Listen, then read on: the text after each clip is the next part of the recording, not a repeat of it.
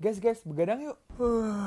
Enggak ah, capek. Nggak boleh, kita kan Adobe. Anak doyan begadang.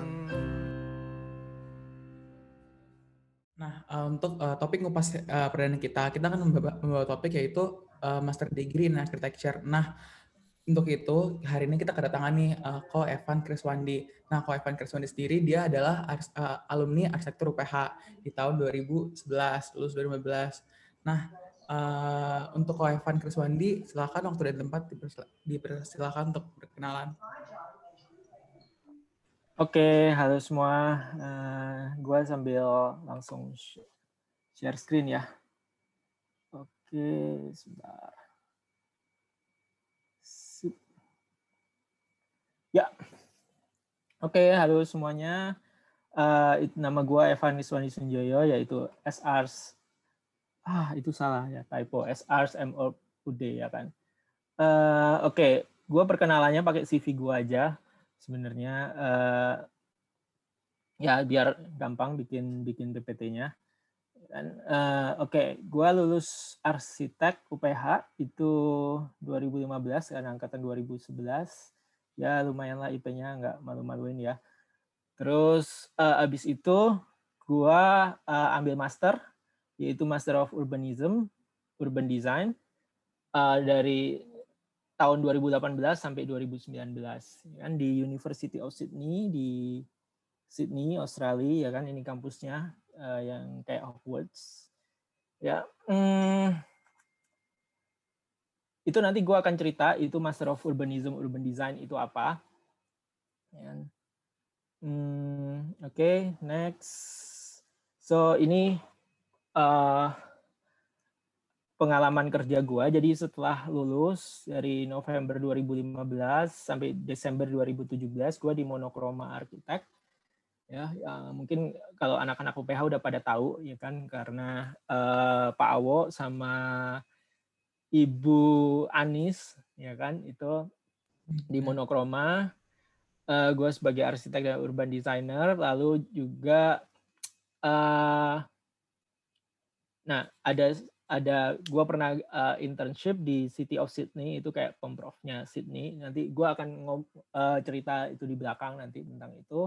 Lalu juga dari 2016 setelah uh, tidak lama setelah gue lulus juga gue uh, ikut join di arsitek.com itu sebagai editor in chief ya kan? Gua gua yang responsible untuk mereka punya artikel-artikel itu untuk orang awam gitu ya artikel-artikel yang berhubungan dengan arsitektur yang interior kebanyakan interior gitu ya.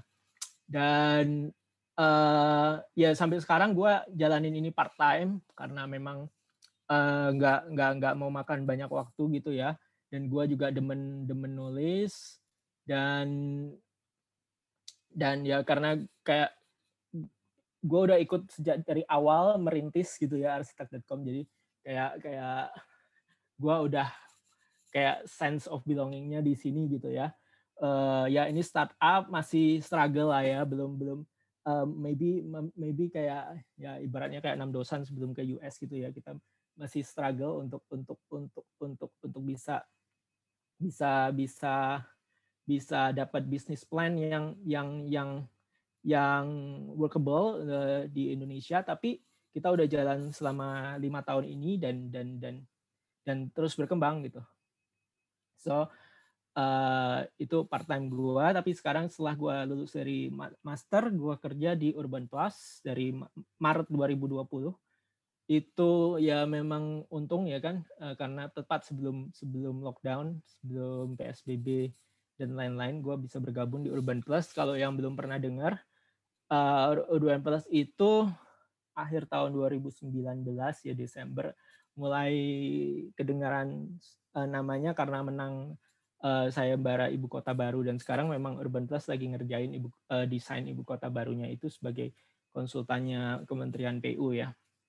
Itu work experience gue uh, nah, affiliation ya gue uh, member di IAI uh, apa Ikatan Arsitek Indonesia uh, member uh, gue berencana nanti uh, apa ngurus license sih tapi ya memang belum. Dan dan juga karena sekarang gua udah geser dikit ya dari arsitek ke urban designer udah ada dan urban designer itu juga udah ada asosiasinya tersendiri. Jadi mungkin ba- justru akan pursue uh, license di urban designer. Ya kan? Terus uh, Australia Award Scholar ini uh, siswa gua itu ada jaringannya. Ada ada apa namanya ada komunitasnya jadi alumni Australia Awards. Lalu juga UPH Arsitektur Alumni Association alas UPH ya kan organisasi alumni kita. Uh, gue sebagai ketuanya sekarang ya kan dan kita berencana bikin program dan regenerasi. Jadi alumni-alumni yang nanti baru-baru lulus uh, siap-siap aja gitu ya bisa mulai uh, uh, mulai kembangin organisasi alumni kita. Ya kan ada beberapa award yang gue dapetin selama kuliah juga uh, salah satunya yang pas jadi ma pas master degree itu adalah uh, itu Dean's List of Excellence in Academic Performance. Ini juga gue sebenarnya nggak tahu bahwa ada kayak gitu-gitu ya kan tiba-tiba dapat aja gitu. Kaget juga. Terus ya ada beberapa sayembara yang gue menangin tapi nggak pernah juara satu sebenarnya juara dua paling mentok. Berapa ini sayembara uh, yang yang Bali Art and Cultural Center ini waktu kerja di Monokroma kalau yang di yang sinar mas lain yang arsitek competition ini pas kuliah. Dan nanti gue juga akan cerita itu pentingnya uh, kalian uh, pursue atau join banyak sayembara. Ada beberapa yang lain tapi karena nggak cukup uh, layoutnya ya kan di sini udah udah mau habis jadi ya, ya udah nggak uh, yang nggak gue masukin. So yang gue mau share di 30 menit ini dan udah jalan 5 menit itu tiga hal ini sebenarnya. Master degree, pertama master degree itu penting nggak sih? Ya kan. Lalu yang kedua uh, master degree itu kalau lu ambil master degree itu nggak harus master of architecture karena architecture itu luas banget cabang-cabangnya itu banyak banget gue akan jelasin sebenarnya cabangnya arsitektur itu kira-kira apa aja sehingga kalian bisa dapat gambaran dan kira-kira uh, bisa planning menuju ke sana gitu. Jadi pilihannya apa, peluangnya apa. So yang terakhir gue akan cerita tentang cerita gue. Nah dari banyak banyak cabang arsitektur ini, uh, ini kalian bisa lihat mouse gue kan ya, MC. Kelihatan nggak pointer gue? Kelihatan kok. Ya, Oke, okay, uh, dari semua cabang yang ada ini, uh, gua milih yang mana? Yang tadi Master of Urbanism di Urban Design. Itu gua akan cerita kenapa gua bisa sampai ke situ uh, dan kenapa gua milih itu dan apa yang gua pelajarin di sana. Gua akan cerita masa uh, uh, gimana gua pursue itu dan gimana pas gua kuliah di sana. Kira-kira gitu. Jadi uh, nanti kalau kalian selama dengerin ini ada pertanyaan langsung aja di chat room biar nggak lupa gitu ya tanyain aja. Uh, Oke, okay. pertama master degree penting apa enggak gitu? Tergantung, depends ya kan, depends on pertama your life goal. life goal lu itu apa gitu ya? Apakah jadi arsitek? Uh, apakah uh, kalian akan jadi arsitek uh, profesional atau jadi apa urban designer, landscape architect atau apa pun atau kalian pengen jadi akademisi karena karena kalian suka belajar, kalian suka suka research, kalian suka nulis, kalian suka kritisism gitu ya.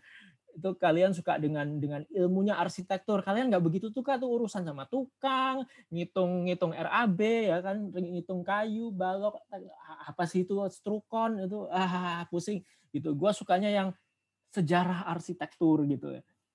Eh, so your life goals will will will will answer that ya. Itu itu sangat sangat menentukan penting apa enggak. Nah, lalu uh, penting apa enggak? Lihat benefitnya apa, ya kan? Nah, gue mau share benefitnya itu apa. Yang pertama adalah network. Network itu adalah jadi gini. Nanti ketika lu ambil master di bidang tertentu yang lu sukai, ya kan, master of architecture or master of uh, apa architectural lighting atau master of architectural uh, apa namanya sound gitu ya itu kalian akan ketemu dengan orang-orang yang punya minat dan minat yang sama. Dan kalau yang ambil master tuh kebanyakan mereka memang udah pada kerja, udah udah pernah udah punya uh, professional network juga, udah punya portfolio jadi yang yang uh, kalian tuh bisa kolaborasi nantinya. Dan itu akan akan menurut gua cukup susah untuk uh, lu dapetin network itu di dunia kerja gitu ya. Kalau di dunia kerja kalian akan ketemu dengan uh, ya tergantung ya kalau kalau kalau uh, jadi gini. Misalnya nih kalian sukanya adalah urban design, tapi setelah lulus kalian kerja di biro arsitek dan di biro arsitek itu adalah arsitek yang kerjaannya adalah rumah tinggal doang gitu ya kan kebanyakan rumah-rumah tinggal orang kaya bahkan orang kayanya tuh orang kaya yang suka gayanya klasik-klasik gitu dan kalian tuh kerjaannya sehari-hari adalah gambar gambar gambar kerja ukiran dinding gitu kan nggak nyambung banget dan kalian mau mau cari mau cari orang-orang yang passionnya sama di dalam hal urban design gitu itu akan sangat susah gitu kalau kalau kalian kerja di kantor yang seperti itu gitu. So itu salah satu contohnya ya. Jadi network itu penting. Nanti gue di my story di bisa gue gue akan cerita contohnya network seperti apa yang gue dapetin di kuliah. Lalu uh, juga dosen-dosennya gitu ya. Dan itulah pentingnya nanti kalian harus memilih kampus yang yang yang yang pentingnya memilih kampus itu seperti apa. Lalu benefit ke, uh, benefit keduanya adalah updated knowledge. Jadi di kampus itu knowledge-nya itu selalu berkembang. Arsitektur uh, itu ilmunya selalu berkembang, risetnya selalu berkembang dan mungkin itu tidak kalian bisa dapetin di kerjaan di kantor. Kenapa? Karena karena deadline, deadline, deadline, deadline. Uh, uh, uh, gimana mau baca buku, gimana mau mau mau research lagi kalau kalau sehari-hari udah pusing, udah pusing sama deadline. So updated knowledge kalian akan dapatkan. Lalu critical thinking di di di kampus critical thinking kalian akan ketemu dengan profesor banyak yang gila, banyak yang banyak yang yang yang yang yang sembarangan gitu ya kalau ngasih komentar uh, ngasih kritik segala macam. Uh, jadi kalian bisa bisa uh, ber, ada perdebatan di situ. Jadi uh, kalian akan dapetin itu gitu ya. Nggak nggak cuman pemikiran yang itu itu aja gitu kalau di dunia kerja kebanyakan adalah thinking yang thinkingnya adalah mana think, mana cara atau teknis atau pengetahuan yang paling banyak menghasilkan cuan. Biasanya itu ya kan. Yang lain mah nggak usah diperhatikan. Nah, akhirnya critical thinking agak kurang terasa. Lalu yang ke keempat adalah new experience, yaitu ya dari lu ke uh, apa semua sa, sa, jadi S2 itu akan jadi satu paket dari mana dua tahun atau satu setengah tahun kalian belajar di maybe di kota yang baru atau di negara yang baru, tinggal di negeri orang, bahkan banyak sekali informal things, informal pelajaran-pelajaran informal kayak gimana lu bertahan hidup di situ, gimana lu nyari duit, gimana lu uh, ketemu teman-teman yang beda yang beda pemikiran, yang beda ras, yang beda yang beda latar belakang dan sebagainya, ketemu orang dari seluruh dunia the whole experience itu akan sangat-sangat berbeda. Itu benefitnya. Tapi tentu ada cost. Costnya apa? Yang pertama ya fun duit ya kan. Uh, mau nggak mau itu lumayan mahal. Apalagi kalau kalian mau di luar negeri ya kan. Uh, karena tadi gue bilang gue dapat beasiswa itu ya udah 10 menit ya. Oke, okay, reminder. Oke, okay, 10 menit. Uh, ya, uh, dapat beasiswa jadi uh, kalau kampus gua itu rata-rata setahun 30 ribu dolar atau, atau 300 juta. Jadi kalau dua tahun itu 60 ribu dolar atau 600 juta. Uh, itu kampusnya doang, belum biaya hidupnya. Ya kan? Uh, dan University of Sydney itu ya uh, apa? Salah satu yang paling mahal ya. Bahkan kalau ketemu bule pun di sana tuh uh, kuliah di mana? University uh, USyd gitu oh mereka kaget gitu. Karena karena memang USIT paling mahal gitu di sana. Ya kan? Uh, dan itu uh, kampusnya doang gitu ya belum biaya hidupnya. Nah so harus di planning memang kalau benar-benar kalian mau ini. Nah salah satu caranya untuk mensiasati fun masalah fun itu ya tentu beasiswa yang full. Nah gue nanti akan cerita gimana caranya dapat beasiswa juga ya kan time. Time itu juga cost yang yang yang harus kalian pertimbangkan karena kalian harus satu setengah tahun atau dua tahun atau satu tahun ada beberapa master eh, yang satu tahun untuk untuk ya kuliah untuk full time ya kan. Kerjanya hanya bisa part time. Atau kalau kalian mau ngakalin itu banyak orang yang ngakalin ya kuliahnya part time gitu dan itu banyak gitu. Dan orang-orang di luar negeri uh, kalau uh, teman-teman yang di orang warga negara Aussie uh, sendiri kebanyakan begitu. Jadi mereka kerja ngambil masternya itu paling cuma satu mata kuliah satu semester. Jadi dia ngambil master 8 tahun ya. 8 semester ya 8 tahun gitu. Eh 4 tahun ya kan 4 tahun. Atau 8 tahun ya? 8 tahun ya 8 tahun. Karena karena uh, biasanya kalau kalau kita full time ngambil satu mata kuliah per semester ini ngambilnya cuman eh kita full time ngambil empat mata kuliah per semester ini part time dia ngambil satu aja jadi ya empat kali lipat waktunya. Nah tapi itu bisa diakalin. So uh, gua ngakalinnya dengan cara dapat dapetin beasiswa ya kan? Uh, karena uh, apa namanya? Untuk ngakalin uh, gimana fun untuk mengasah mengatasi masalah itu gitu ya.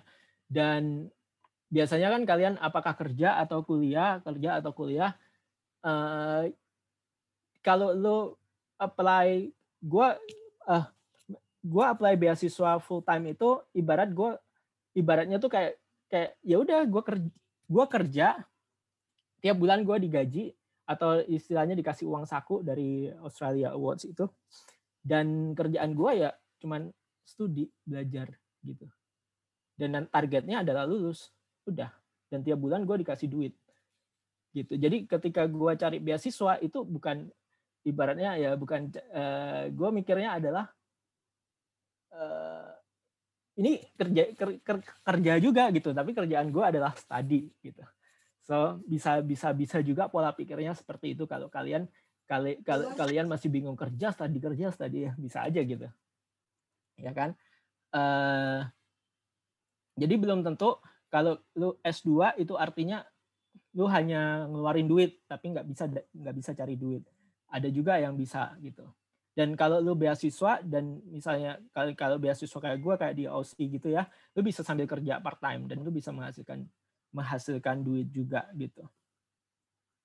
So, nah yang terakhir adalah your style of uh, your style of learning. So ini penting karena mau nggak mau harus diakui bahwa academic life itu bukan untuk semua orang gitu ya.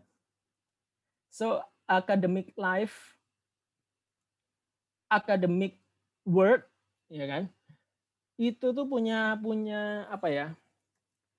kaidah-kaidah tersendiri yang yang yang yang ya begitu gitu loh ya lu harus lu harus kalau lu ngomong harus argumen itu harus ada evidence-nya ada buktinya ada ada penelitian ilmiahnya lu harus ada teori yang mendukung segala nggak bisa ngomong eh, suka-suka lu gitu ya. Ada lu harus bisa eh, penulisan akademik gitu. Bahasanya aja udah beda ya kan. So kalau memang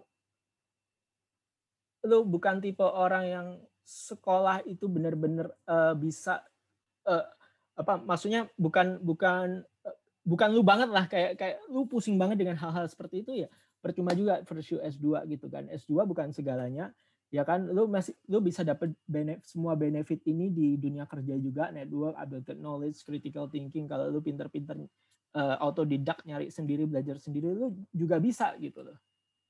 Dapetin semua benefit itu di dunia kerja tanpa harus mengeluarkan banyak kos. Tapi kalau memang uh, akademik akademik learning itu adalah kesukaan lo ya, lo, lo merasa gue belajar tuh secara akademik tuh gampang gitu loh. Uh, seneng kayak lu seneng research, lu seneng di lab, lu seneng uh, utak-atik hal-hal baru, teknologi baru, kayak kayak penelitian baru, lu seneng hal-hal kayak kayak Pak Jeki gitu ya ngutak-ngatik uh, uh, software-software baru dan segala macam segala macamnya untuk nemuin teori-teori baru lu seneng di debate secara teoritis lu seneng uh, baca buku lu seneng baca jurnal segala macam lu seneng uh, berdiskusi ya. Kalau memang lu enjoy dengan hal itu uh, S2 sih menurut gua pilihan yang bagus gitu ya.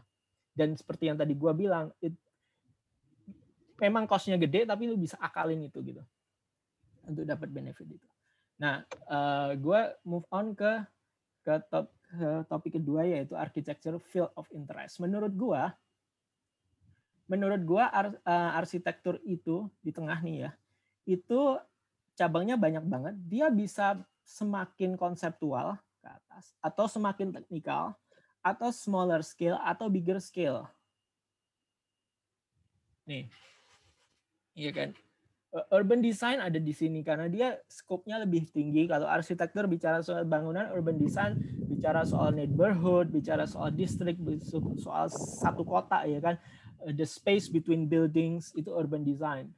Tapi lebih konseptual lagi adalah urban planning karena lu harus harus juga ngomongin soal policy, social policy, ekonomi, lalu uh, kebudayaan dan sebagainya di urban planning. Itu lebih lebih lebih teoritis lagi gitu ya skopnya lebih gede lagi tapi juga ada yang teknis misalnya town planner kayak kayak town management gitu. Eh bukan planner town management gimana mengelola kota gitu ya. Gimana mengelola lalu lintasnya biar lancar gimana mengelola sampahnya gimana mengelola eh, perizinan segala macam segala macam itu ada ya kan. Ada landscape design di sana. Dia uh, skopnya lebih sedikit lebih besar dari arsitektur tapi lebih teknis karena udah ngurusin tentang jenis-jenis tanaman, gimana cara nanamnya, gimana cara ngakalin banjir pakai soil garden segala macam segala macam ya kan. Ada environmental design. Nah, mungkin ada yang suka ke parametrik-parametrik yang lebih sangat-sangat teknis gitu ya. Uh, uh, atau kalian orang yang lebih spesialis gitu, lebih lebih lebih lebih ke smaller scale. Gue menyadari gue lebih ke bigger scale, bigger thinking, bigger picture yang lebih visioner gitu ya. Makanya ke situ, akhirnya ke urban design. Tapi beberapa kalian lebih suka ke interior atau lighting, ngurusin lightingnya doang, atau akustik, atau bahkan produk design mungkin furniture design atau macam-macam enggak. Bahkan ada UI dan UX design ini maksudnya user uh, interface, user uh, bukan UX UX design, uh, user experience ya kan. Uh, juga interior decorator atau graphic design, ada kuratorial. Kalian bisa belajar tentang gimana cara cara cara majang majang artworks di dalam museum gitu ya. Gimana ngatur orang uh, uh, milih milih milih milih artwork yang dipajang gitu ya lalu bagaimana caranya untuk cara majangnya itu apa yang harus dilihat dulu ceritanya seperti apa. Nah itu ada semua masternya gitu ya. Heritage conservation. Heritage conservation ya di Indo nggak banyak karena nggak banyak juga bangunan bangunan kuno yang bangunan tua yang kualitasnya baik dan terjaga. Itu tapi di negara kalau kalian tinggal di negara kalau kalian ke negara-negara Eropa atau Australia atau di US juga banyak bangunan-bangunan kuno yang harus kemudian di conserve mau dihancurin atau di di di dibikin uh, apa namanya di retrofit dan segala macam atau kalian orang yang ya akademik gitu. Ya kayak begitu. Oke. Okay. uh, kalau kalian pengen nanya-nanya soal ini lagi kita bisa kembali tapi karena waktu gue harus langsung ke cerita gue ya kan? Nah, cerita gue ada empat ini yaitu ada this is it moment. Ini adalah momen di mana gue memutuskan milih dari dari sekian banyak ini tuh apa gitu ya. Itu lalu uh, gue building portfolio yang yang yang mendukung ke arah sana. Lalu gue sambil di situ gue cari scholarshipnya untuk mengatasi masalah teknis tadi. Lalu ya terus getting masternya di sana gue ngapain? Oke okay, this is it moment. So kalau ini adalah foto di Instagram gue jadi ini adalah bos gue sekarang ya kan Pak Sibarani Sofian. Waktu itu ini pertama kali gue ketemu dia dia dibawa oleh yang tengah ini. Yang tengah ini mungkin kalian kenal ya ini Pak Rich. Ini adalah Omah Library yang Anis adalah salah satu pengurus di sana juga. Ini adalah acara Omah pertama. Gue ke sana pembicaranya adalah Pak Sibarana Sofyan. Dia masih di ICOM dan waktu itu dia cerita gimana perjalanan dia sebagai urban designer.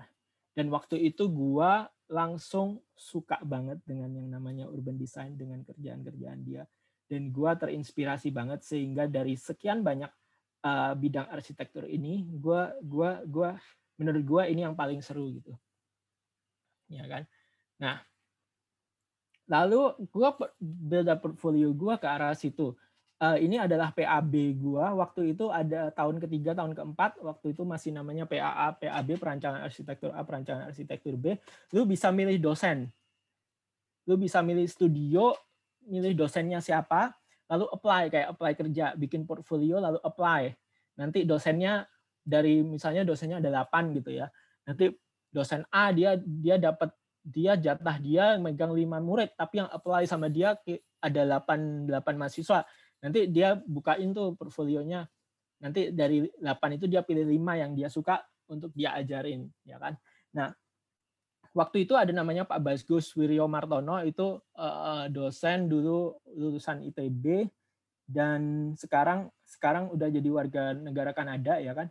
Dan dan udah dosen di sana dan waktu itu dia datang ke Indo dan dia ngajar di UPH uh, gue lihat portfolionya wah ini ngomongin soal urban. Gue langsung apply ke situ dan dan gue dapat itu uh, langsung bikin uh, project-project master plan seperti ini. Ini market gue waktu itu ini panjangnya dua setengah meter ya kalau pakai meja studio itu enam meja gitu ya. Tapi market market kelompok ini market kelompok. Ya kayak gitu gitulah gue mulai mendalami banyak project-project urban ya kan. Terus gue juga ikut sayembara. Ini sayembara Sinar Masland Young Architect Competition. Itu sayembara pertama kali yang gue ikutin. Dan gue lumayan menang juara dua lah ya. Dan nah lagi-lagi di sayembara itu karena sinar mas, sinar mas land ya kan, dosa, uh, sinar mas land, uh, sorry, Back. karena sinar mas land ini adalah uh, Pak Sibarani Sofian waktu itu di ICOM dan ICOM adalah konsultannya sinar mas land, akhirnya dia jadi jurinya di sini, ketemu lagi deh di situ sama Pak Sip, ya kan? Dan uh, lumayan gue menang juara dua. Lumayan waktu itu dapat 75 juta ya. Dibagi lima sih karena satu kelompok berlima. Lumayan untuk uang jajan. Nah tahun depannya ada lagi kan sinar mas yang arsitek competition. Dan sinar mas yang arsitek competition itu kompetisinya ada ada tiga macam kategorinya. Kategori master plan kategori perumahan sama kategori mixed use. Gue ikut yang master plan tentu aja. Jadi kayak gitu ya. Jadi membangun portfolionya itu ke arah situ. So uh, apa tahun depannya gue ikut lagi juara dua lagi ini portfolionya ya kan? Terus habis itu gue uh, habis lulus gue join monokroma pas itu pas bulan pertama gue join itu mereka lagi ada tender untuk proyek master plan perumahan. Nah ini. Waktu itu sama beberapa biro arsitek yang lumayan lebih lebih lebih terkenal lah ya dari Monokolma ada tiga atau empat gue lupa tapi akhirnya kita menang tender itu. Ini master plan-nya gitu ya. Uh, lalu juga ini yang tadi Bali Bali Art yang menang juara dua itu itu master ah bukan bukan. Ini ini ini ini yang kanan. Ini Bali Art uh, uh, Art Village gitu ya. Itu juga master plan. Lalu ini juga uh, menang uh, ini mas juara juara empat sih empat doang. Ini master plan di Banjarmasin di kota Banjarmasin. Kayak ini uh, gedung gedung gubernurnya kita bikin landmark gitu menang ya kan. Uh, ya kalau lu lihat desain desain ini kenapa dia nggak menang? Karena memang uh, desainnya kayaknya lebay gitu ya. Jadi agak susah untuk dibangun. Sementara sayembara itu sering kali adalah yang salah satu poinnya adalah realistis untuk dibangun. Kalau dilihat kan eh, proyek-proyek gue lebih nggak realistis ya, kayak gitu. So nggak menang. Oke, okay, tapi nggak apa-apa pengalaman. Kalau ini itu adalah salah satu master plan satu hektar di di mana di Cirebon, gitu. So gue build portfolio yang tentang master plan, tentang urban dan sebagainya. Nah lalu gue gimana caranya ya? Gue nggak punya duit untuk eh, ya find scholarship ya kan scholarship apakah gampang gampang gampang susah dan memang faktor lucknya sangat tinggi ya gue gua nggak berpikir kalau uh, gue dapetin ini juga pure karena gue uh, jago gitu ya nggak juga kan menurut gue banyak orang yang lebih jago juga tapi nggak keterima juga so uh, ya ada faktor luck juga so banyak banyaklah mencoba gitu ya jangan terlalu jangan gampang berkecil hati Ya kan? Uh, LPDP gue fail dua kali. Dua kali. Ya kan? Ya, dua kali termasuk itu di dinyinyirin sama salah satu jurinya ditanya, "Lu kuliah di UPH ya? Tahu sendiri kan UPH dianggapnya kuliah uh, apa kampusnya anak-anak orang kaya gitu. Kuliah di UPH, kerjaan ada dua. Ngapain masih masih uh, minta-minta beasiswa?" Digituin gua di sama wawancaranya LPDP. Ya, maybe uh, gua kurang nasionalis aja jadi nggak dapat. Tapi nggak apa-apa. Hmm Uh, lalu Fulbright ini bahkan nggak sampai diwawancara aja juga enggak. Swedish Institute gue hampir hampir hampir hampir hampir dapat tapi uh, uh, nggak dapat. Ya akhirnya gue dapat yang ini Australia Awards. Ya bersyukur uh, gue nggak salah pilih sih uh, kampus gue di Australia juga uh, more than I can expect gitu ya. So ini uh, getting masternya ini mata kuliah mata kuliah yang ada ini ini transkrip gue uh, mata kuliahnya ada di, bisa dilihat di sini. Nah, Master of Urbanism Urban Design itu apa? Kalau di University of Sydney ini ada sebelumnya ada tiga master. Ini gua nih jurusan baru termasuk gua tahun kedua mungkin kedua atau ketiga. Jadi tadinya ada Master of Urban and Regional Planning, Urban Planning, Master of Urban Design, lalu Master of Heritage Conservation. Ini masing-masing satu setengah tahun doang. Master of Urbanism itu gabungan dari tiga master ini, dapat sedikit-sedikit ini, sedikit-sedikit ini, sedikit-sedikit ini. Nah, di dalam kurung ini itu adalah konsentrasi yang lu bisa pilih. Lu mau urban design atau MERP, Master of Urban and Regional Planning, atau Heritage Conservation. Lu mau konsentrasi yang mana? Kalau lu pilih urban design, ya mata kuliah urban design lebih banyak. Kalau yang planning, ya planning lebih banyak, heritage, heritage lebih banyak kayak begitu aja. Gue ambil yang urban design tentu aja selama dua tahun ya. Yang ini satu setengah, satu setengah, satu setengah. Gue dua tahun karena dapat sedikit sedikit ini dan ini. So ini adalah mata uh, apa studio pertama gue yaitu Oxford Street Intervention. Nanti gue bisa share uh, apa namanya slide-nya ini. Kalian bisa tinggal klik di sini. Ini ada semua reportnya gue udah udah upload di issue report lengkapnya. Kalian bisa lihat di sini Oxford Street di Sydney itu adalah jalan yang cukup terkenal di sana. Kita disuruh uh, ya biasalah site observation ngelihat ngelihat uh, apa, problemnya apa, lalu solve-nya seperti apa. Waktu gua habis ya.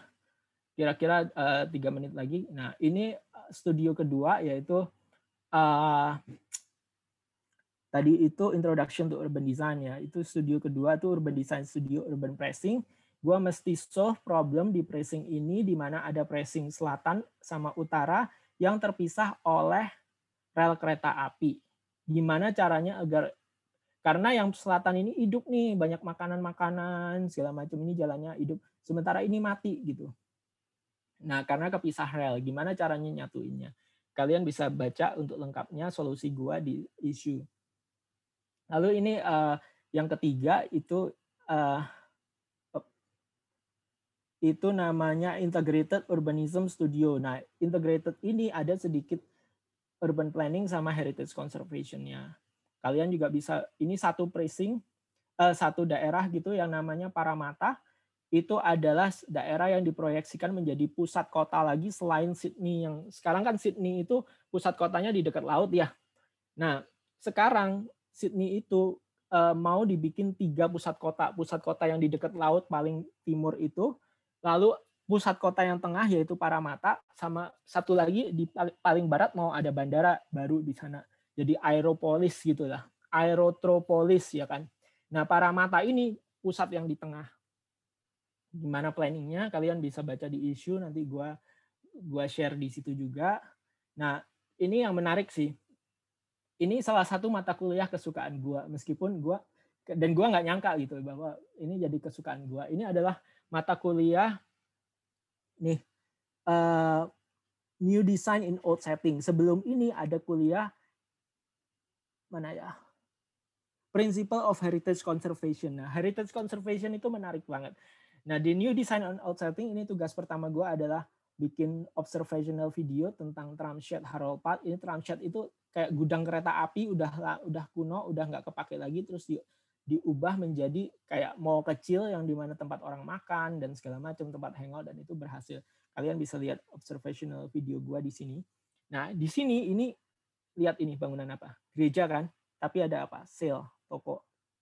Nah, lucu tugasnya ini adalah bikin blot. Blot itu adalah uh, critical writing, criticism, criticism writing yang uh, apa mengkritisi sesuatu dengan dengan nyinyir gitu ya. Tapi secara ilmiah gitu. Jadi blog itu kadang tuh di koran-koran di kalau di sini agak jarang ya. Tapi di di di orang-orang bule gitu ya. Blog itu sering muncul di koran. Jadi para para expert itu mengkomentari atau mengkritisi sesuatu dengan dengan dengan dengan dengan dengan nyinyir gitu. Tapi nyinyirnya nyinyir ilmiah gitu seru banget kan bikin tugas seperti itu. Nah, eh, salah satu uh, dan itu heritage conservation gue harus nyinyirin project heritage conservation di Aussie yang menurut gue kebanyakan semuanya bagus gitu. Jadi apa yang nggak harus harus dinyinyirin susah gitu ya. Termasuk ini, secara arsitektur bagus banget. Ini gereja kuno udah nggak kepake terus dijadiin toko, keren banget, keren banget lah. Kayak uh, eksekusinya keren-keren banget. Tapi gue harus nyinyirin gitu.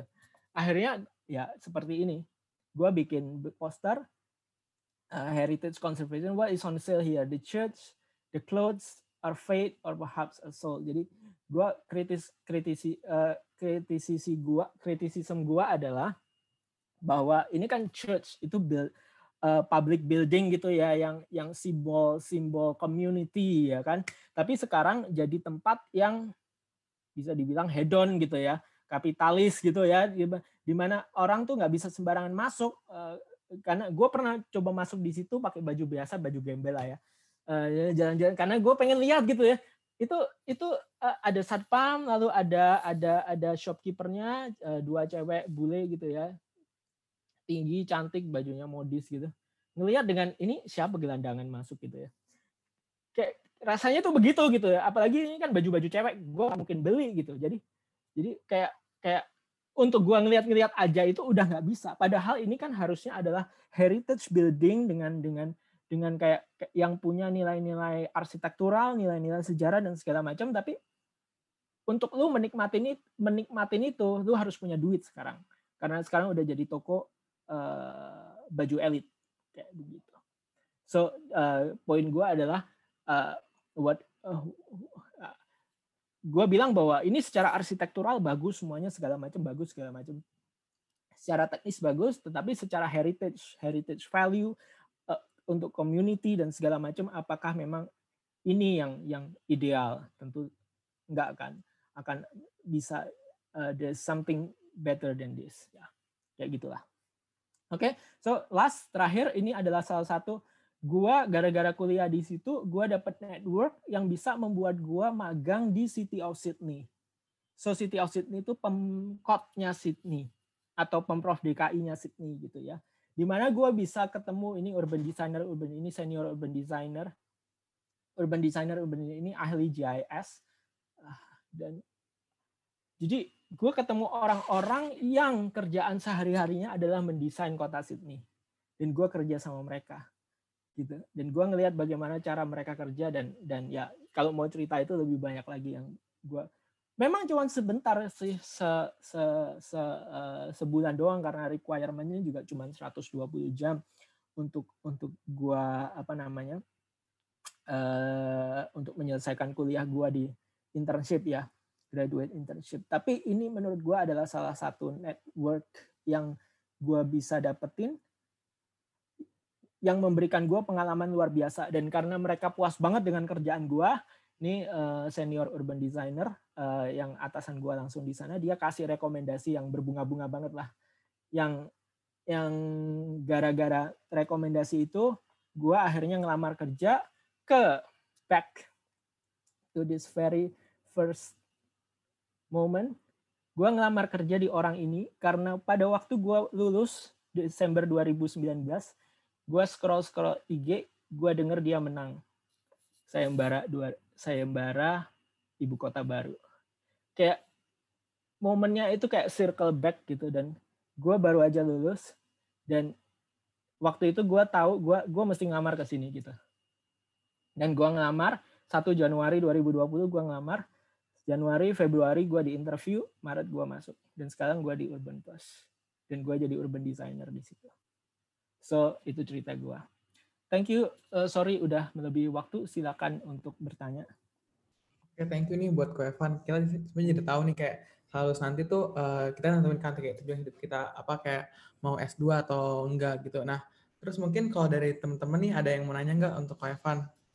Kayak uh, misalnya kayak nentuin momen di sisi kita misalnya atau kayak uh, nentuin tujuan hidup kayak gitu kayak goals kita nanti mau uh, kita yang uh, lingkungan yang apa ya yang world yang buat belajar atau kayak lebih kerja kayak gitu ini di yeah. kolom chat udah ada beberapa pertanyaan. Yang pertama Iya, dari... ada Pak Undi ternyata ya.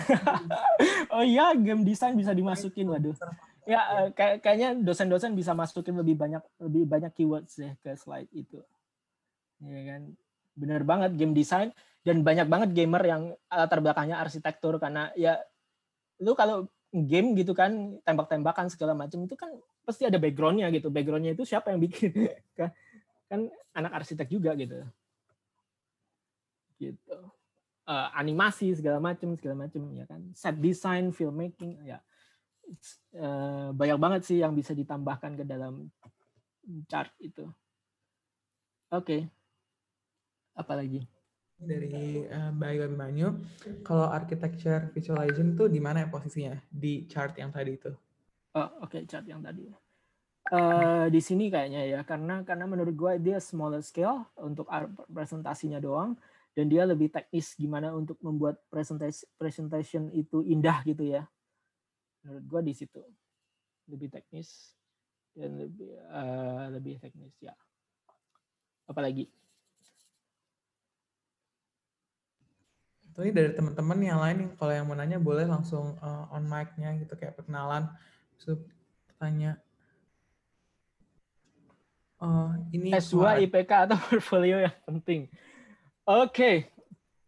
IPK menurut gue ya jangan jangan kurang dari tiga lah itu karena biasanya tiga itu tiga itu kayak kayak bottom line gitu ya kayak sistem kalau kalau yang penerima apa namanya institusi penerima institusinya itu ngasih bottom line tiga ya udah itu kadang belum apa-apa meskipun portfolio lu bagus tapi begitu angkanya di bawah tiga udah kejaring nggak lulus jaringan pertama gitu. Itu aja takutnya ya kan? Nah Australia Awards nggak tahu ya sekarang tapi zaman gua Australia Awards itu IP paling rendah 2,9 so kalau yang IP-nya 2,9 masih mungkin untuk daftar Australia Awards. Tapi yang untuk untuk beasiswa yang lain gua nggak tahu. Uh, kalau untuk kantor apa segala macam kerjaan itu minimal sih tiga so kalau kalian berpikir untuk kurang dari tiga kurang dikit-dikit kalau ada yang bisa diulang diulang jangan sampai kurang dari tiga itu kayaknya ya. Tapi setelah di atas tiga, menurut gue sih nggak terlalu ngefek ya. Portfolio yang paling penting. Portfolio sama recommendation. So ya uh, kalau gue bilang ya uh, di sini uh, kan kalau gue bilang di sini kenapa gue fail? Karena uh, satu gue gua gak banyak gak banyak minta surat recommendation. Gue nggak banyak minta surat recommendation di sini juga recommendationnya paling cuma satu gitu.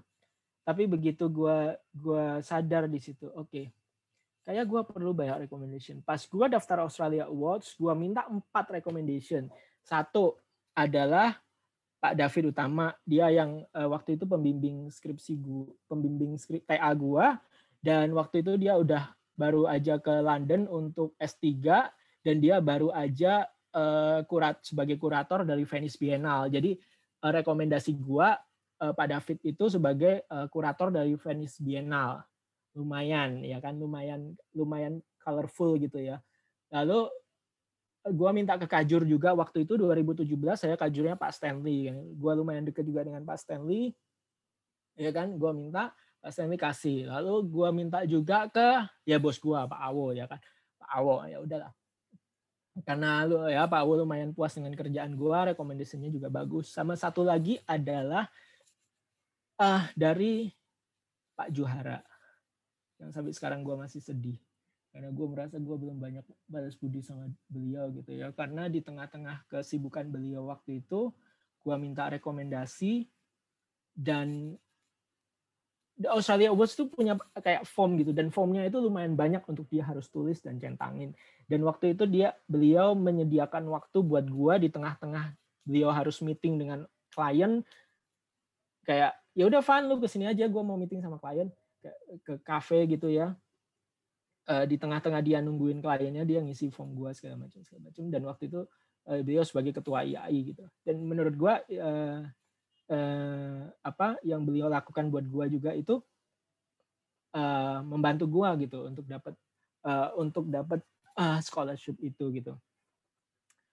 Uh, kayak begitu. So kalau kalian memang memang someday pengen apply untuk scholarship dan bahkan apply untuk kampus biasanya kampus juga akan minta surat rekomendasi kalian perlu untuk ya mulai bangun network jaringan sama dosen sama sama sama sama eh, orang-orang penting gitu ya untuk untuk kalian bisa hmm, apa magang sama mereka gitu belajar sama mereka lalu uh, show that you have the quality for them to say a good thing about you gitu ya sehingga mereka bisa kasih rekomendasi untuk untuk untuk kalian nanti karena ternyata itu penting banget gitu dan itu ngefek banget dengan empat rekomendasi itu gua gua akhirnya dapat yang Australia Awards itu.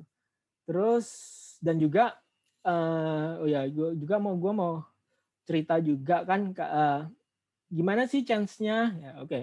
Yang Australia Awards itu kalau angkatan pas zaman gua tahun gua itu ada 300 beasiswa. 300 beasiswa uh, tapi yang daftar 5 ribuan gitu ya. Tapi 300 beasiswa gue cuman karena gue terbiasa ikut kompetisi kan ikut sayembara. Di otak gue cuman ya iseng-iseng gue apply ikut sayembara bersaing dengan 5.000 orang lainnya. Gue nggak butuh nggak perlu juara satu nggak perlu juara dua gue juara 300 saja deh. Juara 299 gitu. Udah seneng banget ya. Dan ternyata iya lumayan masuk ya kan. So so ya jangan takut dengan dengan kegagalan penolakan pelajari kenapa lu gagal di sini kenapa lu gagal di sini kenapa lu gagal di sini dan build up untuk untuk itu gitu. Oke, ada lagi yang chat. Ini ada Harus dari lu...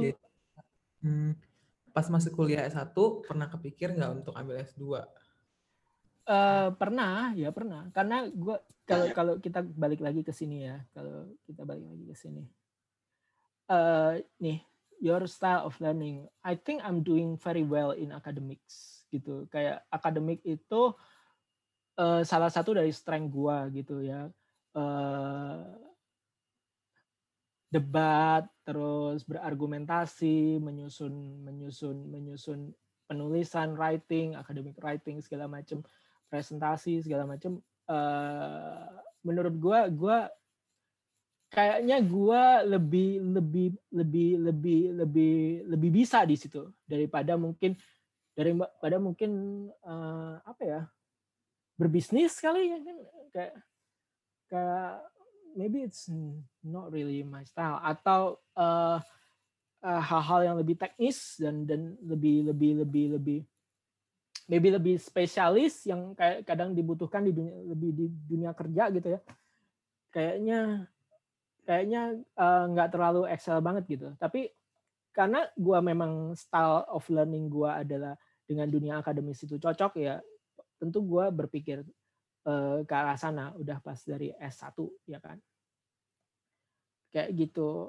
Lalu tadi pertanyaan. Cari scholarship harus nunggu ijazah. Nggak usah. Yang penting uh, maksudnya nunggu ijazah itu lulus dulu apa enggak gitu. Ya pasti harus lulus ya. Tapi kalau lulus ijazahnya belum di belum ada belum dapat ya nggak apa-apa kan kan bisa minta surat keterangan lulus sama minta transkrip udah cukup itu doang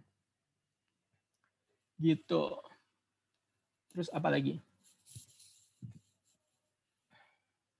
Ada lagi chat? Apa bedanya dibanding kerja di studio arsitektur? Ah, gini. Jadi kalau di Urban Plus itu ada uh, nggak ada ya. Gua gua nggak ada yang share window is closed. Sorry kalau di urban plus uh, Ya, jadi kalau di sorry. Kalau di Urban Plus itu ada tiga divisi. Jadi ada divisi master plan, ada divisi uh, arsitektur, ada divisi landscape. Ya, gue di, di divisi master plan. Ya, jadi di kalau di urban design itu kerjaannya apa bedanya dengan arsitektur ya? Proyek-proyeknya adalah proyek-proyek master plan kayak yang ya proyek-proyek master plan kayak gini gitu. Jadi bikin bikin bikin jalannya, lalu bikin uh, apa namanya gerbangnya di mana, masuknya lewat mana, lalu uh, komersial di mana, rumah rumah rumah tingginya di sebelah mana, rumah rendahnya di sebelah mana, segala macam segala macam. So master plan-nya uh, bukan bentuk bangunannya. Kalau arsitektur lebih ke bangunannya, satu bangunan ini ini doang gitu. Ya, kayak begitu.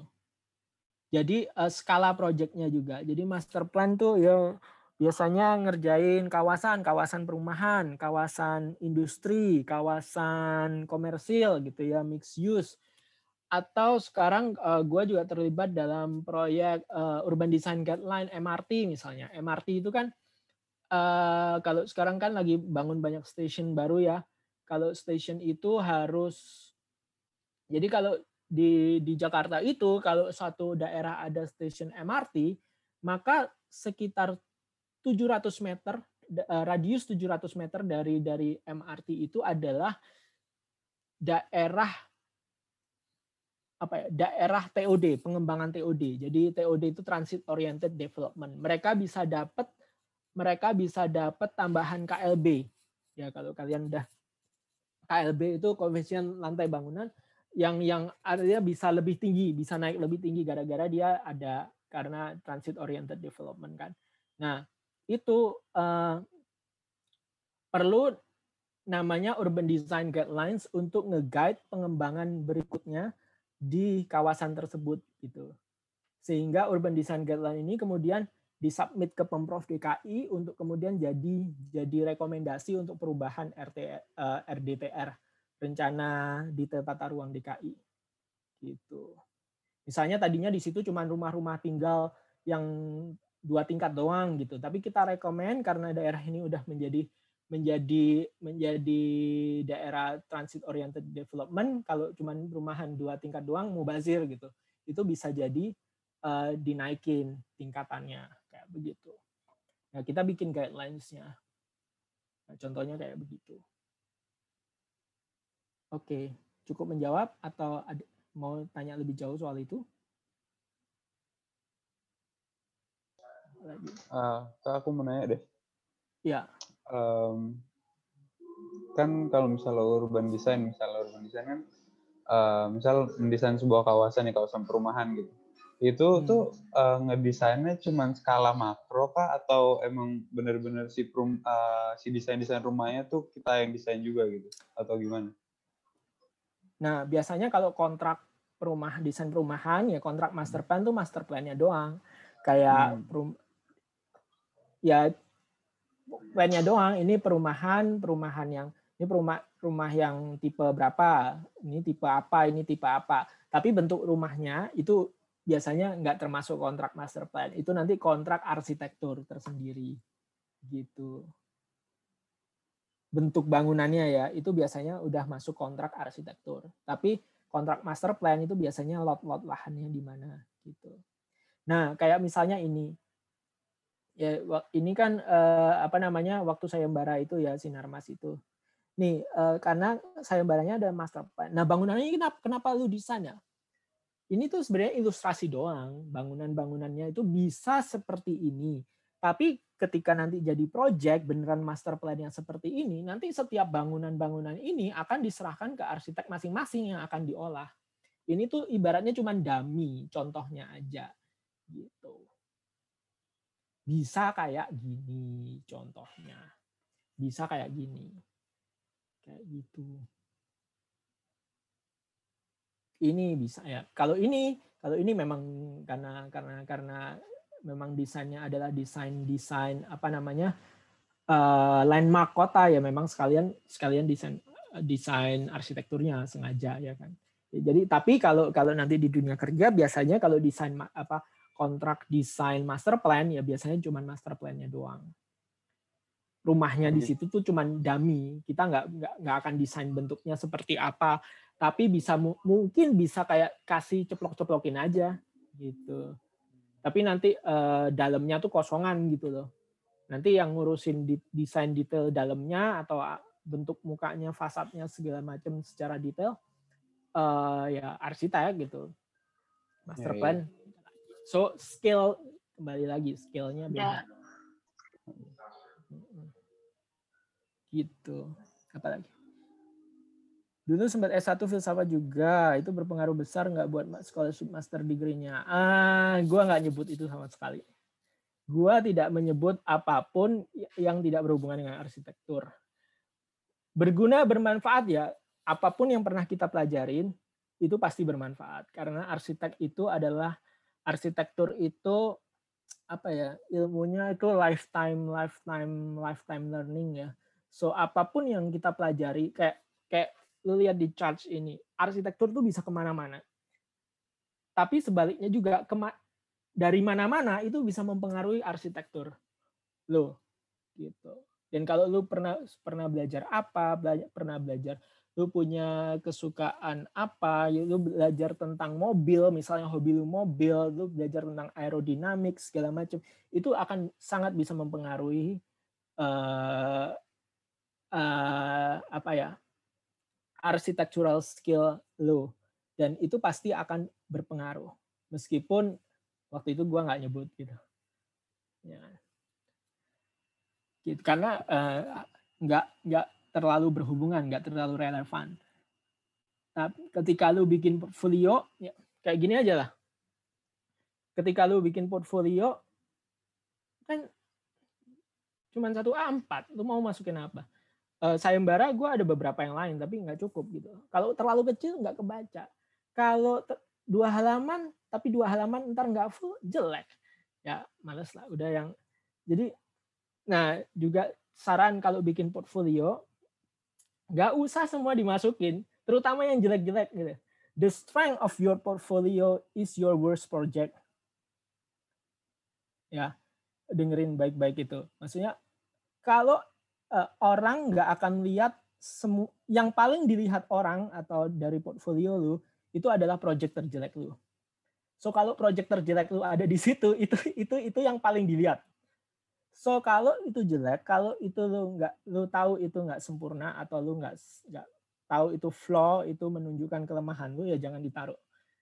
Kalaupun cuma ada satu, ada dua, ada ti- tiga, mending taruh yang itu tapi lebih elaborate, lebih jelasin kenapa lu taruh itu di portfolio lu.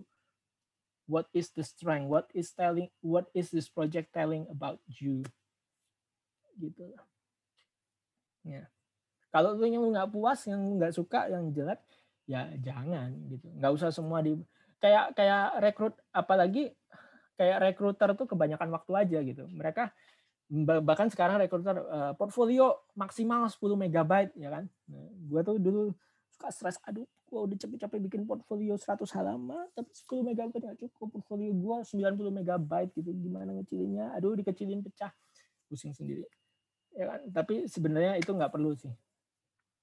Cukup masukin portfolio yang yang lu eh, yang paling relevan. Nah, sama juga ketika gua gua ngelamar kerja di kalau nanti lu buka buka eh, tadi link gua mana ya?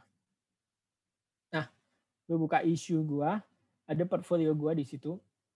Eh, itu adalah portfolio yang gue pakai untuk ngelamar sebagai urban designer dan di dalam situ gue cuman masukin project-project yang berhubungan dengan urban design nggak semua project gue masukin gitu lu bisa lihat di situ juga portfolio gue kayak begitu oke cukup menjawab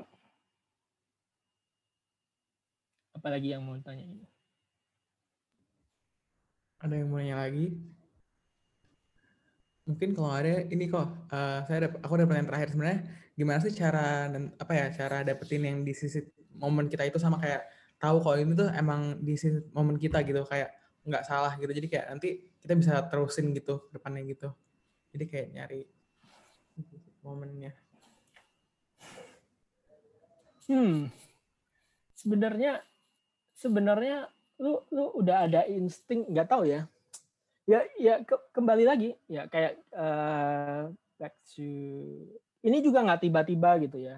Ketika kayak ini tuh kayak kliknya gitu ketika ada ada ada orang ini datang dan dia bercerita tentang urban design project-project dia dan segala macam itu uh, kayak gimana uh, itu tuh kayak cuman kliknya but I always know before cuman itu tuh kayak di kayak di klik dibukain ya kan always know before know-nya dari dari, sini sekarang ini kan lu udah dapat semua kuliah mana sih kuliah yang paling lu demen yang lu nggak males banget untuk bangun dan ngikutin gitu.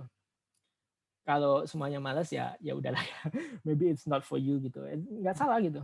Ada banyak hal kok di dunia ini selain arsitektur. Arsitektur bukan segalanya gitu ya. Tapi kalau yang mana sih kuliah yang lu demen gitu, lu semangat untuk ngikutin, lu semangat untuk bikin marketnya, lu semangat untuk untuk untuk untuk untuk untuk impress dosen lu, untuk impress teman-teman lu. Ini lo gue jago di sini gitu. Itu yang mana gitu dari sekian ini. Lu orang yang lebih ke bigger scale, suka yang lebih gede, generalis, atau lu orang yang suka dengan sesuatu yang lebih kecil, smaller scale. I like something smaller because I feel that I can master it. Kalau gede itu gue kewalahan. Tapi kalau small itu gue gue bisa nih untuk kuasai gitu. Dan gue demen. Gue demen interior. Gue demen dengan tekstur. Gue demen dengan material. Gue demen gue demen nih ya kalau ngeliatin lantai itu gue ngeliatin urat-urat kayu bedain marmer yang bagus dengan marmer yang enggak. Itu gue demen gitu atau gue demen dengan dengan dengan dengan dengan dengan dengan dengan engineering dengan structure gitu.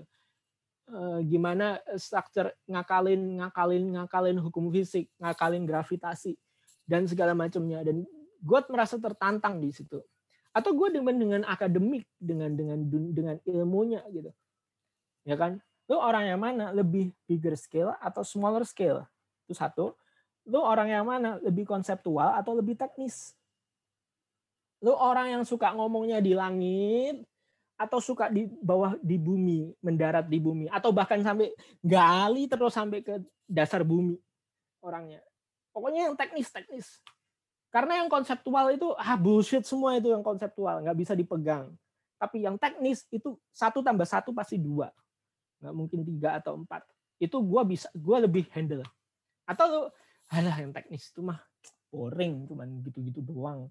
Teknis itu mah eh, nggak uh, ada seru-serunya ya. Mau diutak hati satu tambah satu diutak hati dua gitu. Mau terus so what? Udah gitu gue suka something yang eksploratif, something yang jurang yang tidak ter yang belum tereksplorasi. Gue suka dengan filosofi pemikiran yang yang bisa ke mana-mana. Yang satu tambah satu tidak sama dengan dua, tapi bisa tiga, bisa empat, bisa lima. Menjawab nggak? Menjawab, menjawab. Itu aja. Itu aja. Ya, lu suka yang mana gitu? Iya. Lu lebih hmm. konseptual, lebih teknikal, atau lebih ke bigger scale atau smaller scale. Nanti lu akan nemuin pos, posisi lu di mana. Kayak gitu. Oke. Okay? Ada lagi? Oke deh. Uh, Udah? Ada pertanyaan lagi terakhir? Mungkin kalau nggak ada, kita tutup kali ya acara pada hari sore hari ini.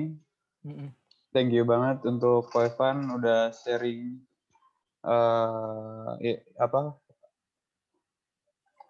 pengalamannya setelah uh, lulus kuliah dari UPH terus masuk ke S2 dan pengalaman-pengalaman kerjanya sayembara dan lain-lain. Guys, guys, udah malam nih. Lanjut besok aja.